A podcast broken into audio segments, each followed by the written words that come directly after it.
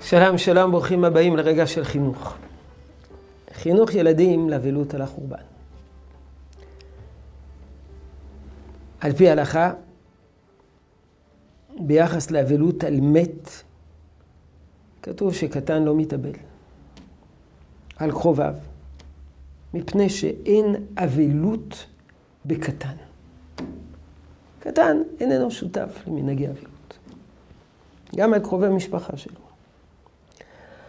אבל ביחס לאבלות על החורבן, המרא מרוטנבורג פסק שלא מספרים ילד קטן, תספורת, ולא מחפשים את בגדיו בשבוע שתשעה באב חל בו.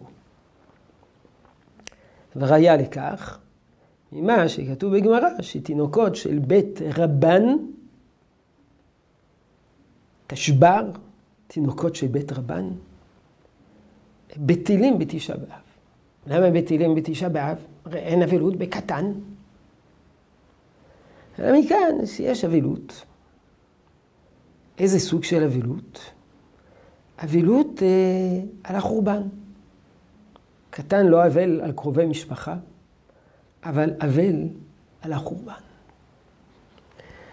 ותרובת הדשן, אחד מגדולי הראשונים, מסביר שאבלות על החורבן של קטן זה אחד משני טעמים, או מטעם חינוך או מטעם עוגמת נפש.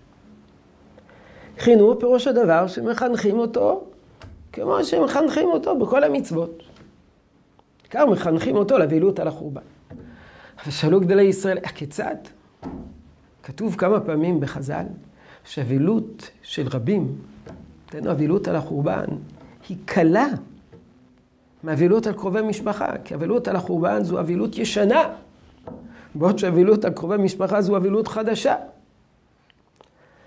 תראה איך צרוך השולחן, שלא מחנכים את הקטן למנהגי אבלות על החורבן כדי להרגיל אותו לשמור על מנהג אבלות כשהוא יגדל. זה בדרך כלל המטרה של החינוך, להתחיל להרגיל אותו בקטנותו על מה שהתחייב בגדלותו. לא מחנכים על אבלות. אלא מה המטרה לשתף אותו בהלכות אבלות? הוא אומר שהמטרה היא, ואני מצטט, חינוך ליראת השם. כשהקטן ישאל על מה זה, יבינו לו, יסבירו לו, עניין חורבת בית המקדש. המטרה זה לא להרגיל אותו התנהגותית, לחוש כבר הרגלים של ציות ושל שמירה על הלכות אבילות על החורבן, אלא לעורר אצלו את הסקרנות, ולהביא אותו לשאול ולהתעניין, ואז נוכל להסביר לו. ואז נוכל להסביר לו מה המשמעות של בית המקדש, מה משמעות החורבן, ולמה אנחנו כמהים לבניינו המחודש.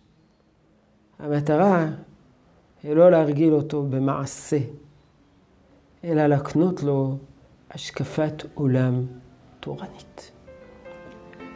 יהי רצון שתשרה הברכה בעבודתנו החינוכית. שלום שלום.